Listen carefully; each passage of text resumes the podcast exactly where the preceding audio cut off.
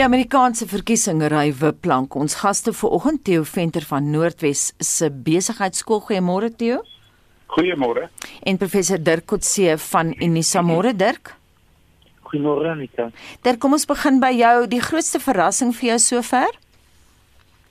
Ek dink die grootste verrassing is dat dit so naby is en dat dit vir so lank nog ek dink die die verkiesingsuitslag on, onduidelik gaan wees. Uh, dit lyk met ten minste tot môre gaan ons moet wag voordat ons werklike aanduiding gaan hê. Um, van en watter uh, rigting dit gaan, maar dit is een van die waar dit voorstel was dat uh, Joe Biden 'n meerderheid van 9% oor die algemeen gaan hê. Ehm um, is dit nou baie nader aan dit. Ek wil aansluit daarby Theo, 'n ontleder op Sky TV het gesê close this is going to be to the wire. Maar dis nie die eerste keer in die Amerikaanse geskiedenis waar ons sien dat 'n verkiesing baie naalskraap gewen word nie. Ek het nou gekyk na voorbeelde gister toe en in 2000 het George Bush New Mexico byvoorbeeld gewen met 'n skamele 0,79% van die stemme. Ja, en uiteindelik moes hulle in die hof besluit wie wen Florida en dit was 537 stemme. Nee, daar was al baie naby oorwinnings. Maar as ons kyk na wat die meningsopnames gesê het, die meningsopnames het die heeltyd omtrent 'n 10 persentasiepunt verskil gehad tussen wat Trump het so 45% en wat Biden sou kon kry so 55%. En dit is reg as ek kyk na wat die huidige syfers is terwyl omtrent um, ek sou sê 90% van die stemme getel is, gaan die uitslag omtrent wees 50, iets teenoor 48. Hmm. Dit is baie naby. Ehm um, en dit sê vir jou ten spyte daarvan en en dit maak nou nie saak wie wen nie.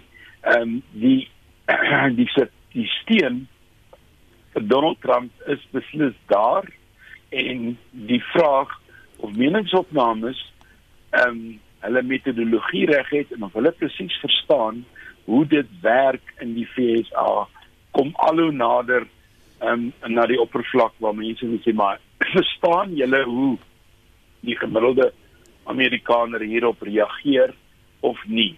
Ehm um, en uh, uh, ongelukkig dink ek met dreigende hofsaake en dies meer uh, mag ons dalk teen môre 'n uh, uitslag hê, maar uh, ek weet nie of dit al teen môre gefinaliseer hmm. sal wees nie. Dit kan dalk nog 'n rukkie langer duur. Een van die dinge natuurlik is dat daar so baie mense opgedaag het om te stem. Dis ek moet so lank vat om al hierdie stemme te tel. Ek sien Biden op die oomblik 71,9 miljoen stemme wat nogal taamlik baie individuele stemme is. Ehm um, Dirk van jou kant af, uh, hierdie hierdie groot opkoms van die mense, dink jy dit was 'n reaksie gewees moet moontlik van die Trump ondersteuners af toe hulle nou agterkom uh baie van die Biden ondersteuners gaan stem en gaan met posstemme stem? Ja, ek dink daar's verskeie faktore wat hier te sprake is. Die eerste een is is dat dit is 'n verkiesing wat nou deur baie Amerikaners waarskynlik gesien word as 'n deurslaggewende verkiesing. Dit is nie 'n gewone presidentsverkiesing nie. Dit gaan ek dink die mense het gevoel dit gaan baie meer oor die toekoms van Amerika en die rigting waarna Amerika gaan. Uh die pandemie dink ek het ook 'n groot invloed gehad op die verkiesing. Uh, mm -hmm. Nie net in terme van die die vraagstukke wat die pandemie te sprake gebring het nie maar dit het ook meer mense dis die feit dat posstemme nou so 'n groot faktor geword het. Dit beteken dat meer meer mense was ek gevoel hulle kan dit gebruik as 'n manier van stem. Want die die poststem persentasie is baie baie hoër as enige verkiesing in die onlangse tyd. Um, en dit het eintlik in 'n sekere sin meer mense moontlik gemaak om te kan stem. Een van die groot probleme van die kiesstelsel op die kies praktyk, die verkiesingspraktyk in Amerika is dat baie mense argumenteer ja, hulle het die stemreg, maar hulle kan dit nie uitoefen nie, mm. want hulle werkgewers gee hulle die reg om die dag af te neem om in 'n ry te gaan staan om te kan stem nie. Wat nou plaasgevind het is dat dit nie noodwendig daardie probleem is of dat hulle gister gaan stem het nie, maar omdat hulle voor die tyd gaan stem het, die pos stem, um, het hulle uiteindelik kon stem. Ehm um, so dis een faktor wat ek dink belangrik is. Die die pandemie het ook mense baie direk geraak. Ehm um, en as gevolg daarvan het dit een van die groot vraagstukke in die verkiesing geword. En omdat dit die standpunte van die twee kan die hoofkandidate, want daar's vier kandidate, president, presidentsiële kandidate. Ehm um, het dit het, het dit eintlik 'n groter mate van duidelikheid verskaf oor wat is die keuse tussen die twee Biden wat nie die pandemie ontken en die virus se effek ontken nie, ons weet wat Trump se standpunt is. So dit dink ek het alles gelei dat daar 'n groter en dan natuurlik die ekonomie. Die ekonomie is altyd een van die grootste dryfvere vir die verkiesings in in Amerika. En die feit dat die ekonomie op die oomblik 'n baie 'n baie groot terugslag gekry het as gevolg van die pandemie. Ek dink ek het mense ook gedryf na die verkiesing toe. Die ons praat nou al heel week oor die slagveldstate, maar tot dusver op monitor het ons gefokus op Wisconsin, Michigan, North Carolina en Pennsylvania. Belangrike een wat ons kan byvoeg daar is Georgia. Die laaste syfer wat ek daar gesien het is 49,1 vir Biden, 49,7 vir Theo. Is jy verbaas oor Georgia? Ja, ek is verbaas oor Georgia. Ek is eintlik meer verbaas dat Florida so vinnig hmm. in die Trump sakkie gekom het. Want hmm. Florida was ook 'n baie baie sleutelstaat, maar Florida is 'n oorwinning vir Trump. Georgia lyk vir my neig na Trump toe en North Carolina neig ook na Trump toe. Maar selfs al word al twee aan hom toegeken, ehm um, is die verskywing van die steen veral in Michigan en in Wisconsin en definitief in Minnesota is groot groot um, beperkings op die roete wat Trump um, kan loop om by 270 uit te kom. Op hierdie stadium lyk dit vir my die roete is vir hom baie moeiliker as vir as vir Biden. Uh, en um, ek het 'n idee ons gaan in die in die volgende 48 uur gaan ons sien wat uh, in watter rigting die ding beweeg. Ons het selfs gisteraand 'n toespraak gehad van van president Biden, 'n baie staatsmans tipe toespraakie waarin hy gesê het ek ek gaan nie hierdie verkiesing nou al begin opeis hmm. en en verklaar nie, maar ek wil net vir die vir die vir die kiesers daar buite sê as ek die president sou word, um, dan doen ek dit op grond van A, B, C en D.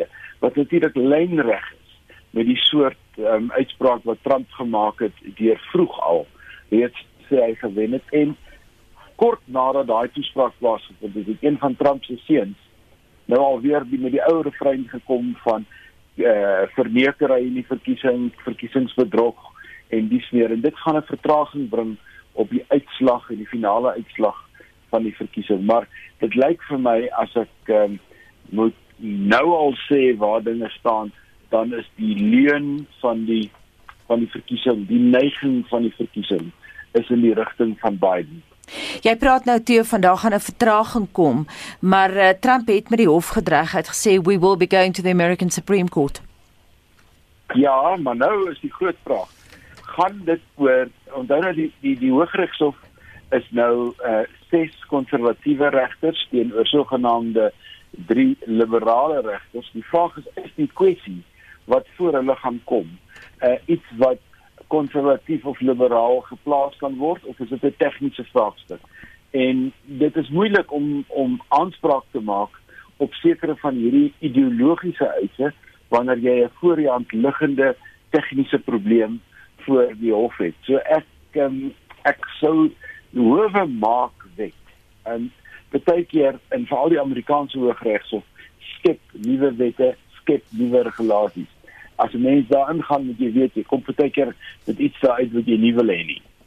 Dirk, as jy nou verwys na daai state daar in die noorde veral Wisconsin en Michigan wat nou oornag na Biden toe gegaan het, maar die maar dit is baie min. Dit is so iets soos 20000 stemme, 'n verskil tussen die twee van hulle waarmee hy dit gewen het en dit is nou binne 'n persentasiepunt en toe sê die Trump veld toe hulle gaan onmiddellik vra dat daar moet hertel word en Trump sê nou hierdie goed van die verkiesingsknoeire en die bedrog. Dit raak nogal taamlik duidelik hieruit. Hy het nie veel beheer oor hierdie verkiesing van 'n federale vlak of nie. Hierdie verkiesing gebeur in elke staat apart. Ja, en ek dink die die hulle gaan ook elke staat apart hanteer.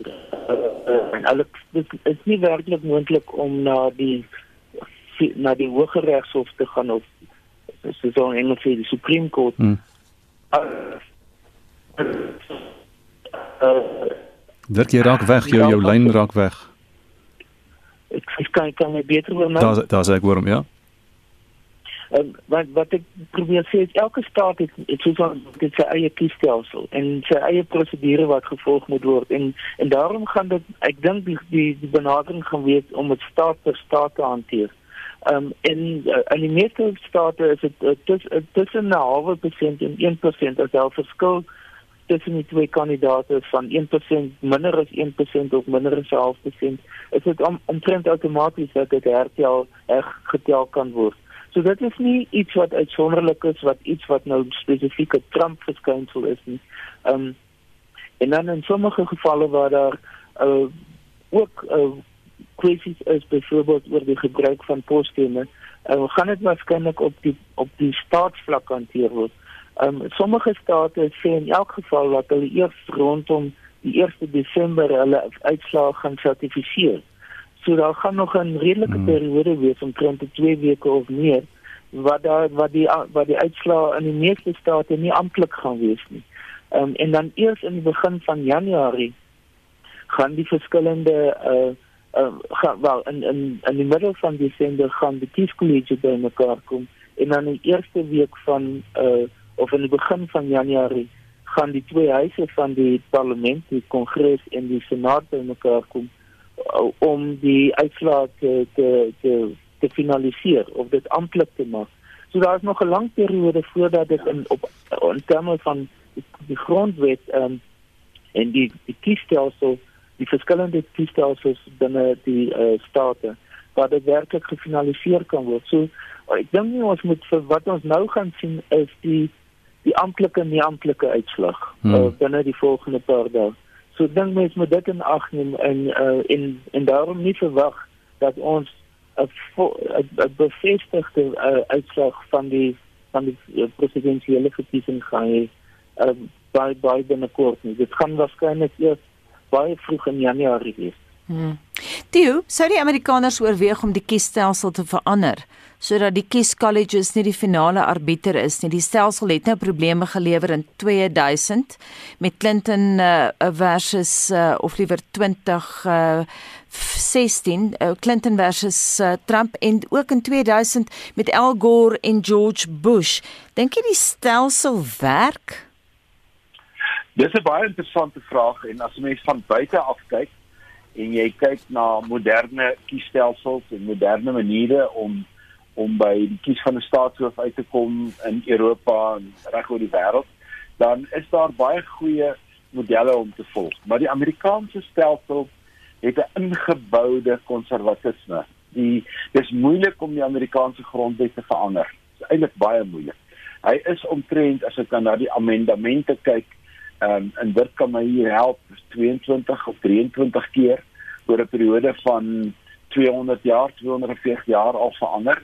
En dit is nie ehm um, iets wat maklik gaan plaasvind nie en ek dink die Amerikaanse stelsel as sodanig ehm um, is in so 'n fyn balans in terme van sy sogenaamde wigte en teenwigte. En um, wie kan dit doen en wie kan nie dit doen nie en hoe kan hulle mekaar beheer en kontroleer dat dit baie moeilik gaan plaasvind. En wat ons gesien het en Dirk het in 'n mate daarna verwys, ons het eintlik 50 nasionale verkiesingkies in elke deelstaat gesien. Met elke verkiesing in elke deelstaat wat so klein bietjie anders is. Hulle het nie uh, soos ons 'n uh, IEC, 'n hm. OVK wat nasionaal die verkiesing beheer of bestuur nie. Al wat die state doen, hulle maak gebruik van nasionale statistiek om hulle eie um, berekeninge te doen, maar daar is nie 'n sentrale beheer oor die verkiesings nie. En dit is deel 'n integrale deel van die Amerikaanse model van federalisme. Uh, om jou vraag kort te antwoord, ek dink nie hulle gaan dit verander baie vinnig nie. Dirk, Amerika word baie keer uh, voorgehou aan die wêreld as die manier van dit is nou hoe demokrasie behoort te werk. Maar as jy nou gaan mooi kyk, lyk dit nie altyd so as as mens na die kieskollege kyk dan verstaan jy nie altyd hoekom dit so is nie. En nou hoor ons Donald Trump self, die president van hierdie land, ehm um, wat self sy eie land se verkiesing bevraagteken. Hoe oud is hierdie demokrasie in Amerika werklik? Wel, dit dit gaan soos uh, teenoor verwys gaan terug na die vorming van waar die die, die Vryheidsoorlog en uiteindelik die Amerikaanse onafhanklikheidsverkiesing uh, verklaring ehm um, wat uh, oor die oor die 200 en wat 250 jaar oud omtrent is. Maar as jy mens kyk na die die werklike kiesprosedure en wie mag stem en wie het werklik toegang tot stem die stemreg in Ja, dit is eers in 1965 met die Civil Rights Act waar vir al swart persone uh die volledig die toegang gekry tot tot die stemreg in Amerika. So dit is iets wat die die die vol die die volle bereik van die demokrasie in in in Amerika. So ek sê dit dit eers in 1960 die punt bereik. So dit is in 'n sekere sin 'n relatief nuwe demokrasie in in as volledige demokrasie. Dit is 'n ou demokrasie in terme van sy beginsels, in terme van die toepassing van die beginsels en die die inbring van al die al die persone, al die burgers van Amerika om uiteindelik werklik te kan stem, is dit 'n relatief nuwe demokrasie. Ja, ek wil by Dirk aansluit en ja. daai opsig is baie belangrik want ons moet onthou die Amerikaanse stelsel het ontstaan uh uit 'n uh, Britse stelsel wat op die stadium toe die uh, founding fathers die grondwet geskryf het, is die Britse politieke kultuur wat hulle geërf het was 'n stelsel waar regering in in Groot-Brittanje uh, aan die verskuif was tussen die parlement en die koning en die rol wat die wetgewer gespeel het en daardie ding wat in Engeland plaasgevind het na die Glorious Revolution en alles wat daarna gebeur het, het die Amerikaners probeer om in hulle grondwet elemente daarvan in te skryf want dis wat hulle geken het. Hulle wou nie 'n koning gehad het nie en hulle wou 'n onafhanklike regbank gehad het en hulle het in 'n sekere sin in hulle grondwet 'n uh, 'n stuk uh, onstabiliteit ingeskryf. So dit is hoekom die Amerikaanse stelsel baie keer vir mense lyk na 'n bymekaar spul, maar dit is soos hierdie um, stelsel ontwerp is en die Amerikaners is jaloers op hulle stelsel met al sy gebreke, maar hulle weet hoe om hom te bestuur. Sien nou jy daarvan praat, dis 'n groot uitdaging vir jou vanoggend. Kan jy vinnig in 'n netedop verduidelik hoe werk hierdie kieskollege? Dit is amper onmoontlik om dit te verstaan. Uh, hier state soos Wyoming wat 3 stemme kry, hmm. daar's dis nou 538 mense wat kan kies. Uh, op die einde van die dag, Wyoming kry 3, Kalifornië 55, Texas 38, Florida 29, Pennsylvania 20. Hoe bepaal hulle wie kry hoeveel en is dit regverdig? Ja, ja, dit werk eenvoudig op die nasionale statistiek en jou populasie bepaal uh, en dit begin by die um, huis van verteenwoordigers. Die samestelling van die huis van verteenwoordigers wat vasgestel vasgestel vasgepyl is op 435 mm en dan kom daar nog 3 verteenwoordigers by vir Amerikaanse sogenaamde territories. Met ander woorde dele wat nie werklik state is nie. So daar sit 438 en dan sit jy die 100 van die senaat by, dan kom jy by 538 hmm. uit.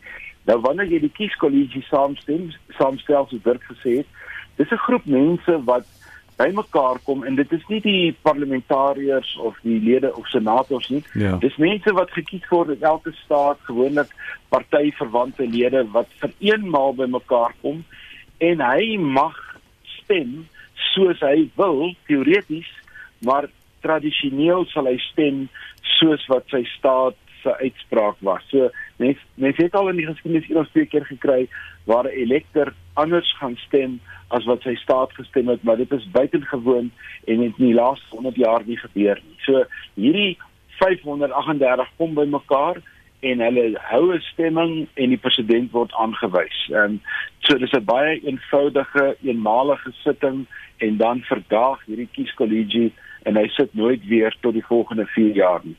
Dirk net kortliks en uh, laastens hoe gaan daai stempersentasie lyk? Dit lyk asof dit relatief hoog is. Um, ek het net vinnig dit probeer uitwerk. Dit lyk my dit is definitief oor die 60%, hmm. nader aan 65%. Um, die oor uh, uh, uh, stempersentasies wat gewoonlik hier rondom 55, 57% is. So dis definitief hierdie stempersentasie gaan waarskynlik een van die hoogstes of selfs die hoogste in 'n baie lang periode wees. Baie dankie die laaste woord daar het gegaan aan professor Dirk Kotse van Unisa.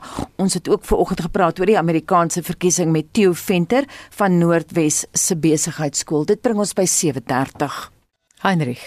Aneta ontvang 'n goeie mengsel van raad en goeie wense aan die matrieks van 2020 wat in hierdie vreemde ontwrigte jaar moet begin eksamen skryf vandag. So hier is 'n boodskap van uh, uit PE uit en dit sê voorspoed aan die matriekleerders met hul finale eksamen, spesiaal aan leerders van HS Lee, Vice Memorial Congregational Kerk en dan sommer net al die ander daar in PE. Bid asseblief of nee, bid asof leer nie help nie, sê Hannes Bethlehem of van Bethlehem en dan sê hy en leer dan asof bid nie help nie. Alle matrieks be cool, be calm, be smart en dis in dit van Durban en dan 'n boodskap van Juanita Povorosnik wat sê ek dink die meeste van die skole het goed gedoen met aanpassings wat gemaak moes word. Ek het 'n dogter in matriek.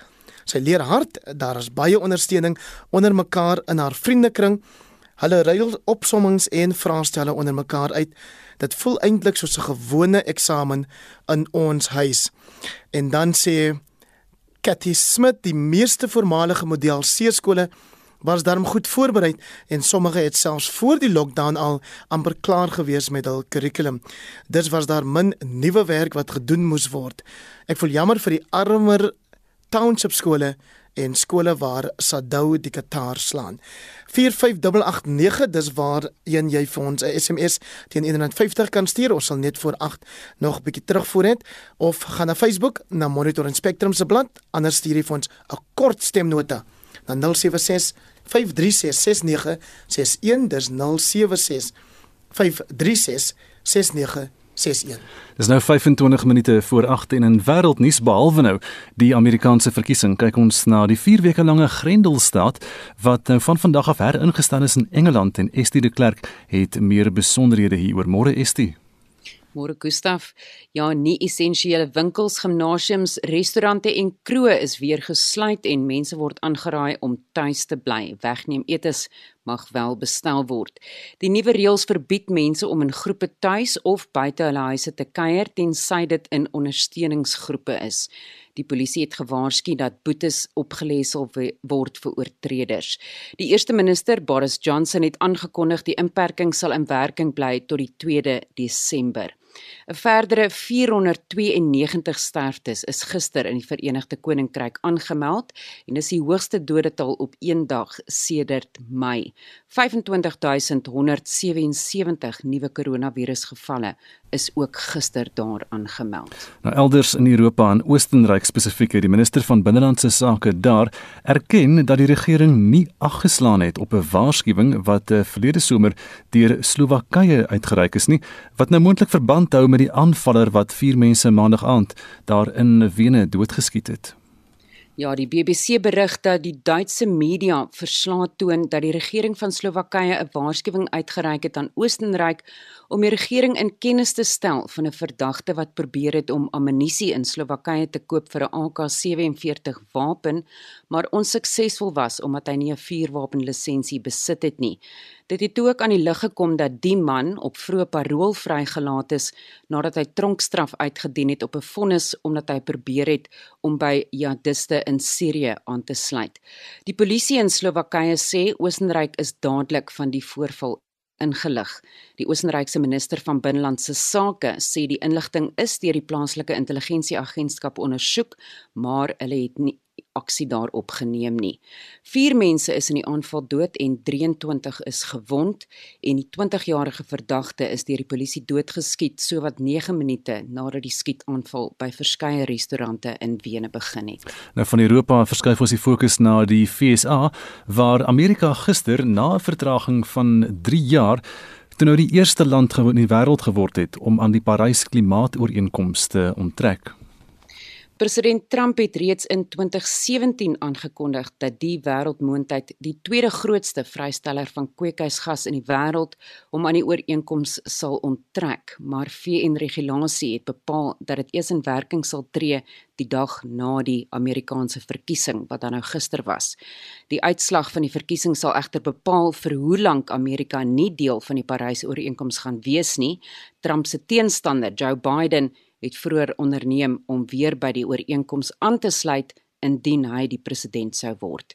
Die Parys-ooreenkoms is in 2015 opgestel om wêreldwye ondersteuning vir klimaatsverandering te versterk en dit het ten doel om die wêreldtemperatuurstygings in hierdie eeu ver onder 2 grade Celsius bo die voor-industriële vlak te hou en pogings na te streef om die temperatuurstygings nog verder tot 1,5 grade Celsius te beperk. En nou beweeg ons na Suid-Korea waar 'n Noord-Koreaanse man aangehou word en nadat hy daarin geslaag het nogal om by die gedemilitariseerde sone tussen die twee lande na die suide toe te vlug. Ja, die man is die eerste keer gewaar toe hy die doringdraad heining oorgesteek het en Suid-Korea ondersoek nou die voorval. En dit volg nadat Suid-Korea sy toere na die suide van die sone hervat het na 'n onderbreking weens die dodelike H1N1 virus uitbreking daar. En dan laastens hier in Afrika, Malawi is die eerste Afrika land wat in navolging van Amerika se erkenning natuurlik van Jerusalem as die Israeliese hoofstad sy ambassade na Jerusalem toeskuif. Volgens Israel se ministerie van buitelandse sake sal die Malawi se ambassade teen die somer heropen, gegee die betwiste status en sensitiwiteit van die stad in die Israeliese-Palestynse konflik, het die meeste lande hulle ambassades in Israel se kommersiële hoofstad Tel Aviv. President Trump het Jerusalem in 2017 as Israel se hoofstad erken en die volgende jaar die Amerikaanse ambassade daarheen verskuif. En dit was Estie de Klerk met vandag se wêreldnuus gebeure.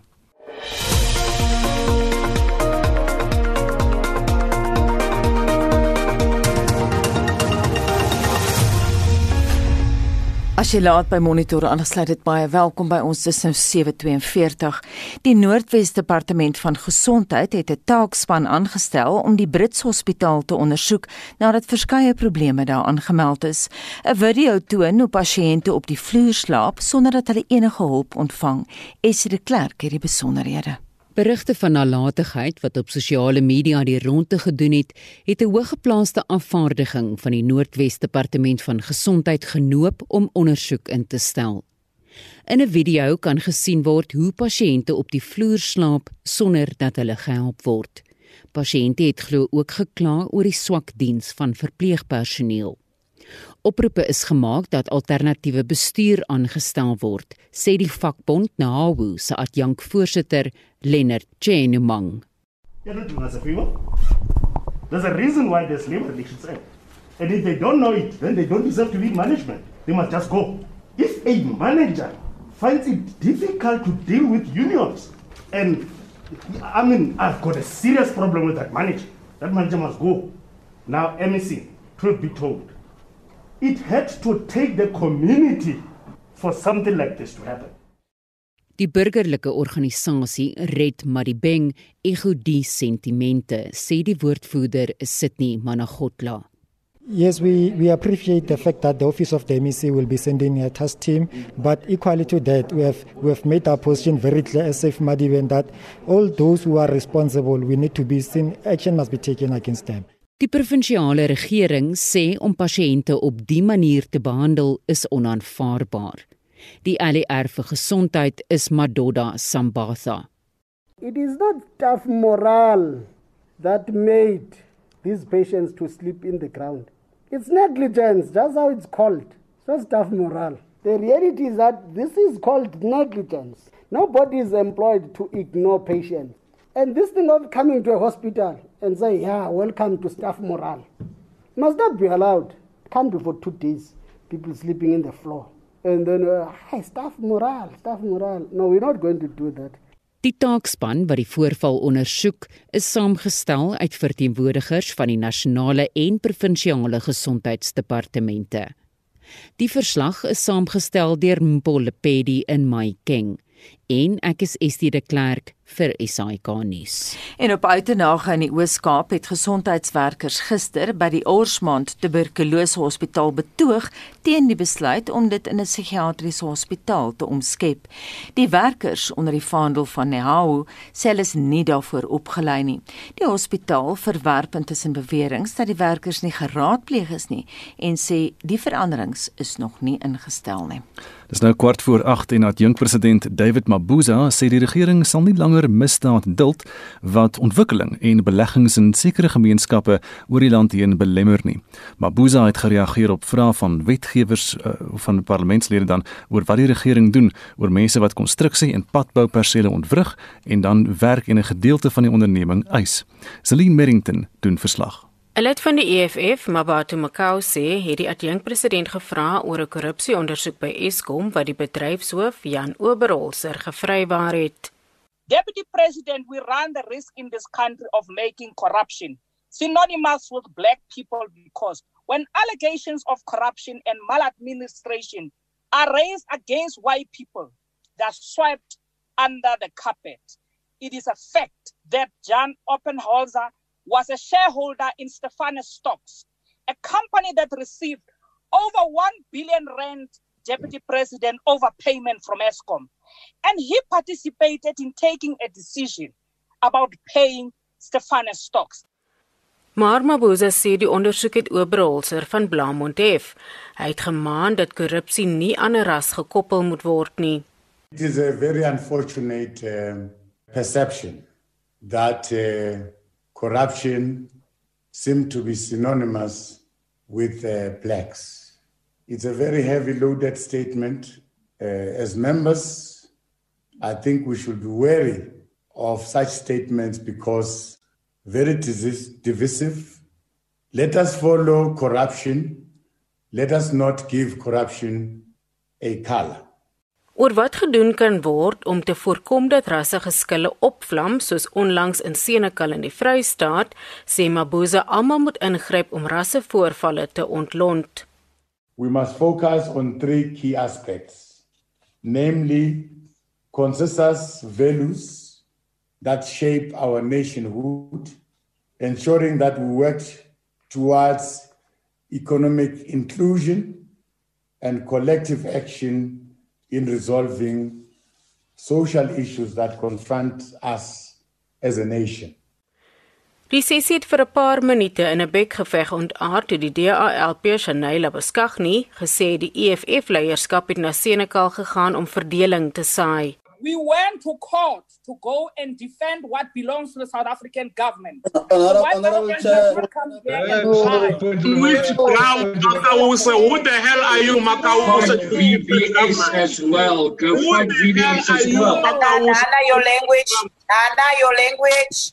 Nana, language. Language, Where Nana. is the mute button? Nana, mute them, mute all of Where them. is Mute the them. mute button? You are Makawuse. Order. Order. Mabuza het gevra vir kalmte om te heers. Careful that we don't bring the sentiments of Senegal into the house. I can see that uh, we're old enough and we are given the responsibility of leading the country, and we must not degenerate into that crisis ourselves. Dit was die adjunk president David Mabuza, Zelene Merrington, Parlement. Dis 8 minute voor 8 in die COVID-19 pandemie het baie lewens ontwrig. Care Protect in West South Africa nooi mense uit om 295 arm kinders se harte die Kersfees bly te maak. Hulle noem dit wees Kersvader vir 'n kind. Die bestuurshoof Diana Bronkhorst vertel hoe dit gedoen kan word. Ek dink vir my op 'n persoonlike vlak is dit uiters belangrik want hierdie was een van die moeilikste jare wat ons al ooit beleef het in my lewenstyd. En dit is net vir my ongelooflik hartseer om te besef dat daardie kinders wat minder bevoorreg is, het eenvoudige ander COVID waaraan baie min mense dink. Hulle moet hulle na huise vasgekluister wees en soms is daai huise nie 'n veilige plek nie. So die idee raamwerk van weeskers is vader vir 'n kind het gegroei vanuit simpatie vir daai kinders om te sê kom ons gee 'n stukkie van ons harte terug vir hulle om te sê maar iemand daar buite dink tog aan 'n kind. Wie en wat is Care Protect in West South Africa CPI South Africa? Ons is 'n uh, publieke nuwensgewende organisasie. So wat ons doen is ons bestuur verskeie pleeghuise. Ons het 'n versorghuis vir kinders na skool wat nie aan die heenkome het by die huis nie. Ek dink spesifiek aan die kinders in die wingerde. Vir alle mammas heeldag in die wingerde is hulle al daai kindertjies gaan dan na daardie huis toe hulle kry dan elke dag geboorte kos en daar's persone wat vir hulle help om bietjie hulle huiswerk ook te doen. En natuurlik het ons verskeie klein projekte wat ons loods elke jaar. Ons doen byvoorbeeld die genadesakke vir Corlia Botha en ons doen ander projekte ook soos ons die leemte van bewus raak. Hoe gaan julle wees Kersfees vir 'n kind projek toepas? Ons het baie daaroor gedink. Omdat mense bang is om uit te gaan en weens die beperkings van COVID maak dit vir ons moeilik om by mekaar uit te kom. Maar toe besef ons dat mense se wêreld het verklein na 'n skermpie toe, na jou foon toe of na jou spootrekenaar toe. So dit ons 'n applikasie gaan skryf wat dit vir mense verskriklik maklik maak. Hulle gaan op ons webtuiste of op ons Facebook en hulle gaan klik op wees Kersvader vir kind of be Santa for somebody. En dan het hulle ding doen, daar word 'n bladsy oopgemaak waarin hulle kan kies in watter streek, watter kind verslag hulle help en watter ouderdomsgroep. En dan klik daarop en sê ek wil 3 kinders help of 4 kinders help en dit kom by ons uit en daai inligting kom na, na ons kantore toe en ons help die mense verder. En hulle kan self sê hoe hulle wil help. Jy het 'n lysie hier. Vra die publiek om so ver as moontlik so eenvoudig as moontlik te help. Bruin papier. Ons vra 'n briefie by om te sê weet jy ek dink aan jou kind daar waar jy is in jou omstandighede. Ons vra 'n pakkie koekies, eenvoudige pakkie koekies vir elke pasiëntjie en dan die geskenkies moenie meer as R100 wees nie sodat dit regverdig is reg oor die bank vir al die kinders. En dan het ons 'n oulike lysie opgestel van eenvoudige goed soos skryfbehoeftes is 'n groot behoefte. Toiletware, haarrekkies, sulke tipe goed. Natuurlik as jy nou regtig wil 'n speelding soos 'n poppie of 'n karretjie. Maar dit is maklike goed wat mense kan gaan klik en sê ek wil vra my pakkie uniek opmaak vir daardie kind. Daarna tot wanneer kan 'n mens dit doen en waar kry mense julle webruimte en julle Facebookblad? Ons afsluit datum vir die geskenkies is 10 Desember. So ons wil bitter graag voor dan. Ons het drie afsekpunte in Suid-Afrika in Bloemfontein, in die Kaap en in Pretoria. En ehm um, Daina Bronkhorst, die bestuurshoof van Care Protect Invest South Africa, het met Mitsi van der Merwe gepraat oor hoe om behoeftige kinders se harte bly te maak die Kersfees. Daar is geen verkeer. In Germiston is daar 'n botsing op die N3 noordwaarts net voor die Elands wisselaar en daar is meer as 'n uur se vertragings daar vanaf Heidelberg weg. Vermy dit maar as jy kan. Uh, die nat weer vanoggend hier in Gauteng op die paaie maak bietjie chaos. Eh, die N12 Weswaarts kettingbotsing net voor Edenwel weg. Hy's nou skoon, so die verkeer beweeg weer daar verby.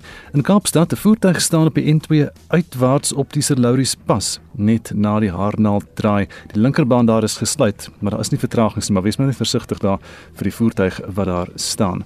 En dan diere op die pad, die N2 uitwaarts in Kaapstad net voor die R300, die linker skouer is daar versper deur die diere. En dit is die verkeer vanoggend hier op monitor. Laaste stemnotas. My raad aan aan die klas van 2020: Wees kalm. En nou wat jy geleer het, baie van julle het onder moeilike omstandighede gekom tot waar julle vandag is en sit alles in. En wat jy insit, is wat jy sal uitkry. Sterkte vir julle. Goeiemôre, RSG. Ja, dit is die so. Uh tropdrywer. Ehm um, ek het my ingeskryf om vier vakke oor te skryf in die jaar. Uh, gewoonlik skryf ons ehm um, ou kurrikulum uh, ouens my June eksamen. En my June het aangebreek, daar was geen ehm um, skrywe gewees nie. Ek ontvang gister 'n eksamennommer wat sê dat ek moet skryf nou November. Gister kyk die eksamennommer. Vandag is my eerste vraestel wat ek moet aflê. Ek is onvoorbereid. Ek is so teleurgestel in die education department. Ek het nie verlof gevat vir dit nie. en dinge soos daai. En ek wil graag my matriek voltooi. Ek hoop en bid dat next jaar beter sal wees. Om sterkte vir die wat gaan skryf. Môre môre, matrieks. Weet net die hele land is agter julle. Ons bid vir julle. Ons staan in vir julle. Weet net julle het 'n moeilike jaar gehad, maar ons weet julle gaan 'n sukses maak van hierdie eksamen. Byt vas. Weet ons is lief vir julle en weet net God is by julle. Heinrich Golagie dagboek vir Spectrum later. Christof, so ons bespreek die nuutste verwikkelinge rondom die die Amerikaanse presidentsverkiesing. Ons gaan kyk ook na die nuutste gebeure by die Sondekommissie na staatskaping en dan berig ons oor die redes waarom aardappelpryse die afgelope paar maande in Suid-Afrika die hoogte ingeskiet het. Daar aan Spectrum tussen 1 en 2 vanmiddag. En dan het vinnig die jongste oor die Amerikaanse verkiesing. Joe Biden en die kieskollegie het nou 300 of 253 stemme, 253 253 teenoor Donald Trump se 214, maar as jy vir Fox News kyk met Arizona bygetel is Biden 264 teenoor Trump se 214. Indien jy weer na enige van ons programme wil luister, elke Monitor Spectrum naweek aktueel en kommentaar en fin fokus word weer as 'n potgooi beskikbaar gestel op RSC se webblad. En so kom ons aan die einde van vanoggend se program. Ons waarnemende uitvoerende regisseur is Hendrik Martin, ons redakteur vanoggend Wessel Pretorius en ons produksieregisseur is Daitrin Godfrey. As jy ingeskakel bly by RSG, kan jy luister na Praat Saam met Lenet Fransis Puren. Dit is volgende. My naam is Gustaf Vreiling en mooi bly dan tot môreoggend om 6uur. En my naam is Anita Visser.